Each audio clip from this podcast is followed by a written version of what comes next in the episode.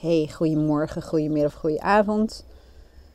Nou, het is zelden dat ik een podcast opnieuw opneem. Alleen ik kreeg de hik. Dus toen dacht ik, nou, dit is dus het moment waarop ik hem er wel even ga doen. Ehm, ik neem even een podcast op waarin ik je betekenis ga geven aan iets wat Stephen Covey ehm, schreef en uitdroeg. En wat op dit moment voor mij nog helderder wordt dan dat het al was. En hij zei zoiets. Ik ben over het algemeen best wel vind lastig om soms iets terug te halen wat iemand letterlijk heeft gezegd. Kan het wel hoor, maar um, ik probeer even de strekking uh, te beschrijven van wat hij zei. Hij zegt, zei, je moet niet um, op basis van allerlei dingen die er liggen, allerlei taken en dingen die je nog moet doen, die, je moet niet dat gebruiken om uh, die te gaan prioriteren. Maar je moet ervoor zorgen dat je datgene wat belangrijk is voor je is, prioriteert. Lijkt een nuanceverschil, is het absoluut niet. Als je prioriteert wat voor jou belangrijk is, zul je merken dat een logisch gevolg is dat je een soort referentie hebt. En op basis daarvan kun je kijken naar de dingen die er liggen, de taken in je actielijstje of whatever hoe je dat organiseert. Hoe dat bijdraagt. Of het in overeenstemming is. Of dat het conflicteert. Of dat um, je het wellicht kunt uitbesteden of anders kunt organiseren of kunt laten vallen. Echt compleet wat anders. Dus even in de herhaling. Je kunt naar je lijstje kijken met to-do's en op basis daarvan een prioritering maken. Dat is eigenlijk reactief. En um, als je kijkt naar time management, uh, de time management matrix van Stephen Covey. In een eerdere podcast leg ik het je heel uitgebreid uit. In de podcast die heet Druk zijn is voor sukkels. En um, dan heeft uh, Stephen Covey heeft een time management matrix uh, bedacht. Ik weet helemaal niet trouwens of hij die heeft bedacht, maar in zijn boek heeft hij daar wel veel over. Um, heb je eerst voor urgent en belangrijk. Hè? Dat is bijvoorbeeld als, um, um, weet ik veel, uh, bij ons achter is een boom um, geknakt tijdens de storm. Nou, stel dat die zodanig was geknakt dat hij over ons huis heen was gevallen. Nou, dat is echt wel een is urgent en belangrijk ding. Maar bijvoorbeeld bepaalde deadlines, bijvoorbeeld kunnen dat ook zijn. Of als je voor een softwarebedrijf werkt en uh, de internetverbinding ligt eruit, dan kun je wel zeggen dat is een vak 1 uh, taak, zullen we maar zeggen. Of, of uh, nou ja, hoe, noem je het? Dan heb je vak 2, dat is niet urgent, maar wel belangrijk. Daar zit je regie, daar zit de voldoening, daar zit uh, tijd om na te denken, daar zit het strategische werk, het bewuste werk. En daar haal je vaak ook echt wel voldoening uit. Nummer 3 is het vak um, niet belangrijk, wel urgent. En dat zijn dus die uh, typische dingen dat je je takenlijst gaat prioriteren de dingen die er liggen. Want heel veel van die dingen die erop staan, die zijn erop gekomen doordat je getriggerd werd van, oh ja, dat moet ik ook nog doen. Oh ja, dat moet ik ook nog doen. Oh ja, daar moet ik ook nog aan denken. Of door verzoeken van andere mensen. Denk aan e-mails, WhatsAppjes, telefoontjes of whatever. En dat is het vak waarin je vaak ook heel veel energie verliest. En heel erg het gevoel dat je ad hoc werkt. Dat je de waan van de dag regeert. En dat je het gevoel hebt dat je niet bezig bent met de dingen die voor jou belangrijk zijn. Dat je te weinig tijd hebt. Dat je achter de feiten aanloopt. La la la la. Heb je nog vak 4? Vak 4 noem ik het beetje het doelloos scrollen op je Instagram timeline vak. Dat is het vak waarin je gewoon echt doelloze dingen doet die uh, ogenschijnlijk wel bijdragen aan um, een fijn gevoel. Maar meestal is het gewoon dopamine wat, uh, wat uh, daarin leidend is. Um, ja, het, het, het, ja, ik, wil, ik, merk dat ik dat vak het liefst altijd oversla, ook in mijn uitleg. En uh, voor nu kom ik daar even mee weg, omdat het niet over vak 4 gaat in deze podcast. Maar waar gaat het dan wel over? Um, vak 2, ik heb er ook een aparte podcast over opgenomen, die zal ik nog publiceren. Vak 2 is ook ja, vaak het geluksvak. Het vak dat je, dat je regie hebt, dat je bewust leeft, bewust werkt. Dat jij um, je planning kunt uitvoeren. Dat er wel wat ruimte is hè, voor eventueel dingen die kunnen ontstaan. Maar dat is ook het vak. Als je daar regelmatig uh, werkzaamheden in doet, word je ook slimmer. Bijvoorbeeld net als ik zag, um, dan ga ik meteen even betekenis geven aan waar deze hele podcast over gaat. Ik heb vanmorgen een uh, lange sessie gehad. Ik heb nu lunchpauze en ik heb, hoe laat is het nu? Tien voor één. en ik heb om twee uur mijn volgende sessie. Daarna heb ik nog even tijd voordat ik met een vriendin uit eten ga. En ik heb na mijn lunch zometeen ook nog even de tijd.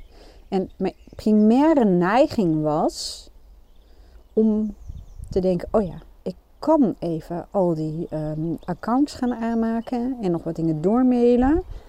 Ik kan nog even wat facturen sturen, want uh, ik loop een beetje achter. Mm, ik kan nog even een podcast publiceren of opnemen. Ik kan nog even dat doen. Dat is vaak dat je. Of ik kan ook nog even een wasje vouwen.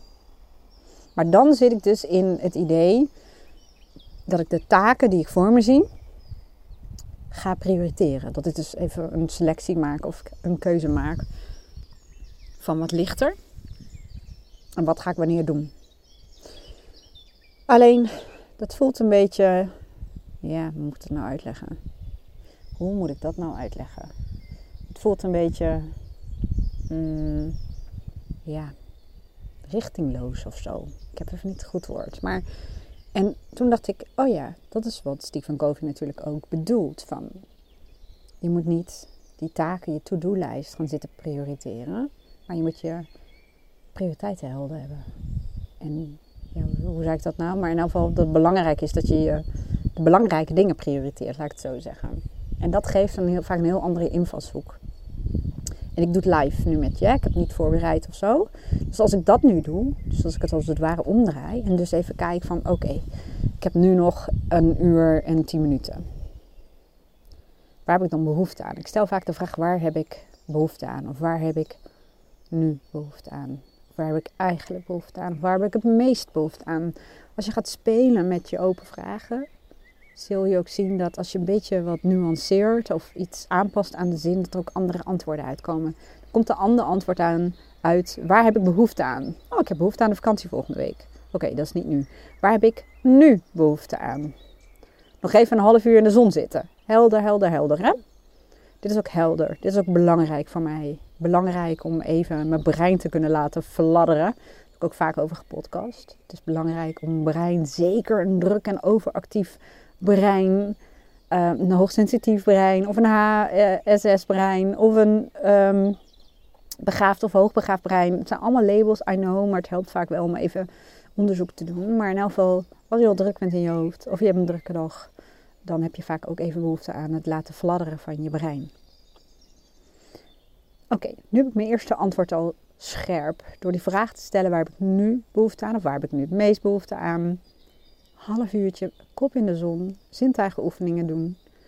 Um, die staat in mijn academy trouwens. Um, uh, volgens mij heet die Druk in je hoofd of zo. Ik, ik zet ons linkje wel even hieronder. Maar dan, dan, dat is echt een geweldige oefening om instant rust in je hoofd te krijgen. Dus een half uur zon in de kop zintuigoefening doen. Dan heb ik meteen al iets wat belangrijk voor mij is.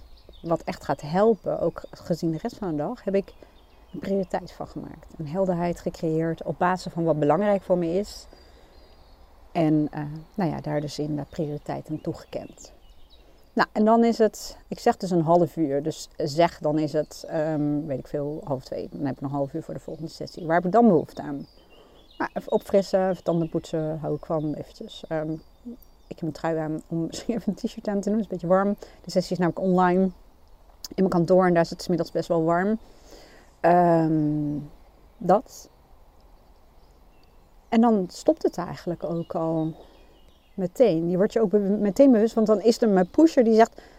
Als je dan toch je computer aanzet om die online uh, sessie te doen... kun je meteen eventjes uh, die autorisaties aanmaken. En het mooie wat er nu gebeurt op bewustzijn... is ook dat ik een beeld krijg. Ik zie op mijn bureau die briefjes liggen en ik zie in één keer een patroon. Dat is ook vak 2 werk. Ik zie een patroon en ik denk, hé, hey, wacht, even. Er liggen drie briefjes met drie acties. Dat ik um, even um, aan het bestaande account van een klant die al lid is van mijn Academy even een autorisatie toevoegen. Dus die krijgt toegang tot iets anders, maar dan met een korting. Vandaar dat ik het dan had bedacht om dat handmatig te doen. Een andere klant die wil graag naast het coachtraject ook in mijn Academy aan de slag. En ik heb beloofd om daar een account voor aan te maken. En ik krijg dan ook korting. Mijn klant krijgt altijd een korting. Ik krijg de helft uh, korting op alles wat in mijn Academy staat. En er ligt nog een briefje dat ik voor iemand een account aanmaak en autoriseer. En doordat ik even bewust naar kijk, denk ik, hé, hey, dit kan slimmer. Voor mij is vak 2 werk ook um, investeren in dingen die veel voorkomen en kijken of je dat kunt automatiseren of slimmer kunt organiseren. Dus. En uh, voor mij geldt, op het moment dat ik dit patroon zie, denk ik, ja, ik kan dit anders doen. Ik kan ook bijvoorbeeld um, even aangeven, maar ga zelf even naar mijn uh, webshop, hè, mijn online coachaanbod. Um, kies deze en gebruik deze code. Dan wordt ofwel de course of de tool toegevoegd aan je reeds bestaande account. Of um, je kunt meteen een account voor jezelf aanmaken. En met die kortingscode wordt meteen de korting verrekend. En dus de autorisatie, alles is geautomatiseerd geregeld. En dat is bewustzijn. En dat is dat je denkt, oh ja, zo wordt het steeds makkelijker voor mij. Plus, de klant is ook niet afhankelijk van wanneer ik dat voor diegene op ga pakken. Dus dat is uh, doe het jezelf, zullen we maar zeggen. Dus dat is bewustzijn. En met als gevolg dat ik eerder, als ik dus mijn lijstje was gaan prioriteren, was ik dan tik, tik, tik, tik, gauw even gaan doen. En nu ga ik dus in plaats daarvan zo meteen stoppen met deze podcast. Die zintuigenoefening doen, kop in de zon, mezelf weer opfrissen, um, de sessie voorbereiden. En dan ga ik daarna, ga ik um, die drie briefjes die er liggen, ga ik even regelen, dat wel. Maar dan maak ik meteen even extra kortingscodes aan, zodat ik een volgende keer dit slimmer kan organiseren. Ik voel meteen rust en ik voel meteen ook dat dit een um, realistische manier van plannen is. Maar ook dat ik investeer in um, de nabije toekomst en de lange toekomst, zullen we maar zeggen, door iets slimmer te organiseren. Het geeft voldoening en het is fijn, want het is gewoon zonde, vind ik, om tijd te besteden aan dingen die je kunt automatiseren of die je slimmer kan regelen. Of, en de afhankelijkheid nogmaals van de klant, van wanneer ik daar tijd voor heb, die vervalt ook. Dus dit is een typisch voorbeeld van hoe je richting geeft aan je dag en je planning maakt of bijstelt. Niet aan de hand van je actielijst en daar ga je in prioriteren. Dat is iets wat mensen meestal wel doen. Maar aan de hand van bewustzijn even reflecteren op, vak 2 werk. Um, wat is belangrijk voor je? Waar heb je behoefte aan? En op basis van de dingen die belangrijk voor je zijn, die maak je, ja, die maak je belangrijk. Die prioriteer je. Nou, aan de hand daarvan kies je dus de bijpassende actie. En heel vaak is dat dan al wel een actie die op je actielijst stond, maar dat is wel een andere benadering. Nou, ik hoop dat je wat aan had. Als je zegt van, oh, oké, goed. Maar jij weet wat belangrijk voor je is. niet alleen om de vraag te stellen, maar omdat ik gewoon een heel goed beeld heb van wat is belangrijk voor mij. Wat zijn mijn belangrijkste persoonlijke waarden? Hoe functioneer ik het best? Wat heeft mijn brein nodig? Wat heeft mijn lichaam nodig? Wat heb ik nodig om gelukkig te zijn en om goed te functioneren? Hoe ben ik in mijn element? Nou, dat is natuurlijk zelfkennis. Dus daarmee kun je uh, zelf ook aan de slag in mijn online academy ben je dus ook niet afhankelijk van mij wanneer ik een coachsessie met je kan doen. Want dit is echt prima, heel goed zelf te doen. Ik zit er zelfs aan te denken om een aantal dingen niet meer bij mij in de praktijk te doen, maar mensen gewoon te zeggen: nee, we maken een afspraak, maar dan heb je eerst dit en dit zelf gedaan. Omdat het eigenlijk een soort van uh, universeel iets is, een methodiek die ik altijd gebruik, maar die mensen heel goed ook zelf kunnen.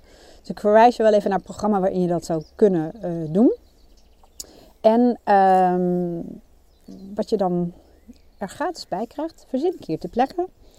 Dat is een, um, ook een course, het levensplan heet dat.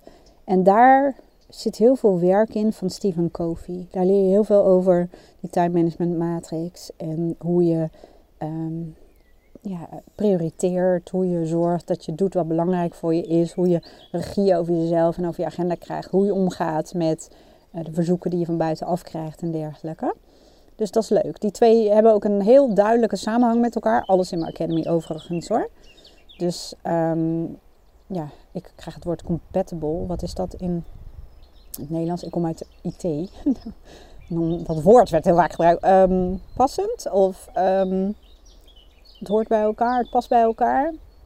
Nou, het vult elkaar ook aan. Dus die krijg je er dan bij. En ik zorg ervoor dat als jij je aanmeldt voor het um, persoonlijke waardeprogramma, dat je automatisch ook toegang krijgt tot het levensplan. En dat is ook leuk voor de mensen die al toegang hebben tot het waardeprogramma. Want die krijgen dat ook automatisch erbij. Dat is ook vaak een beetje het dilemma wat ik voel. Als ik bijvoorbeeld een bonus geef of, of iets gratis weggeef. Als mensen zich ergens voor aanmelden, dan is er ook zo'n stemmetje in mij.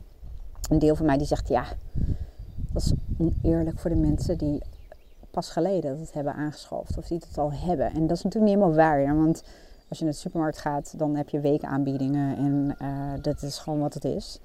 Um, maar dit is ook een beetje van hoe vaar je je eigen koers en wat voelt goed voor mij. Goed, wat voelt goed voor mij. Ik ben ook niet iemand die het dan maar overneemt omdat de supermarkt dat doet of omdat iedereen dat doet. Het moet gewoon voor mij gewoon goed voelen. Dus voor mij voelt het goed voor. Um, nou, als jij het waardeprogramma al hebt besteld, dan krijg je automatisch ook toegang tot het levensplan. Dat is ook leuk. Dat kun je misschien ook even doorpakken als je dat wilt. Oké, dat was hem. Ik ga even met de kop in de zon 20 oefeningen doen. Vind je ook in mijn uh, Academy trouwens het linkje hier neer. Wil je bedanken voor het luisteren. Ik wens je een ontiegelijk mooie dag en heel graag tot de volgende podcast. Doei!